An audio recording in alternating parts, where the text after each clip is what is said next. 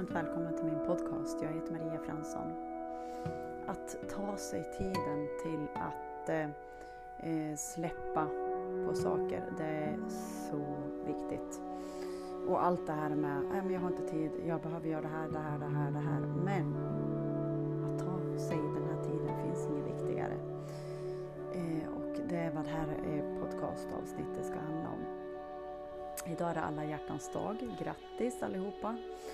Och idag är det verkligen en dag eh, som att verkligen låta alla relationer, eh, dåliga eller bra relationer, att det här ska få släppa ur vårt system.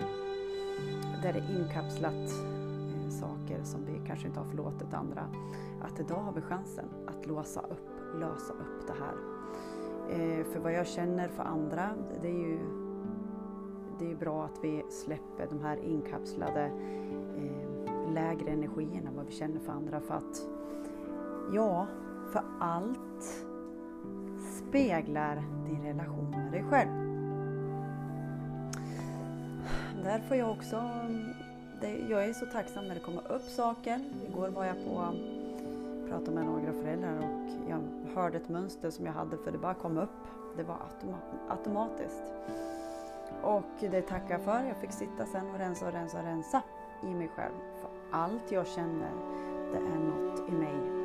Vad andra speglar i mig. Så det är hela tiden tillbaka till sig själv, tillbaka till sig själv. När vi gör det här jobbet, förstår ni? Folk kan säga vad de vill och vi bara sitter där och andas. Och eh, ibland kanske vi går därifrån till och med. För alla har ju också olika resor. Vi kan ju inte bestämma någon annans själsliga resa. Utan vi behöver också acceptera att andra går andra vägar. Men eh, vi alla väljer själv. Men vad vi kan göra det är att läka vår relation till, till oss själva. Och eh, jag, jag fick ju hjälp av en kompis idag igen, Eva där. För vi speglar ju varandra hela tiden och jag kan säga vad jag vill till henne och hon bara ja. Och så sen så i en vanlig relation kanske man hade slängt på telefonen och aldrig hört av sig igen. Men vi vet att om hon inte reagerar på det, då är det löst till henne. Men om jag reagerar på det, då är det något i mig. Det här vet vi och det här hjälper vi varandra med hela tiden. Och alla kan hjälpa varandra med det här din eh, partner. Men, men man, måste ju, man behöver ju öva och ta tiden till att rensa kroppen från de lägre energierna som har kommit dit, som är inkapslat, som vi löser upp. Vad händer i din kropp precis just nu? Andetag. Idag är en väldigt, det känns som en väldigt viktig dag att eh, vi verkligen ägnar oss tiden till att verkligen känna och möta upp oss själv och ge oss den här kärleken till oss själv som, som vi behöver. Och den här, så att låta den här villkorslösa kärleken dundra in och göra där den ska i kroppen.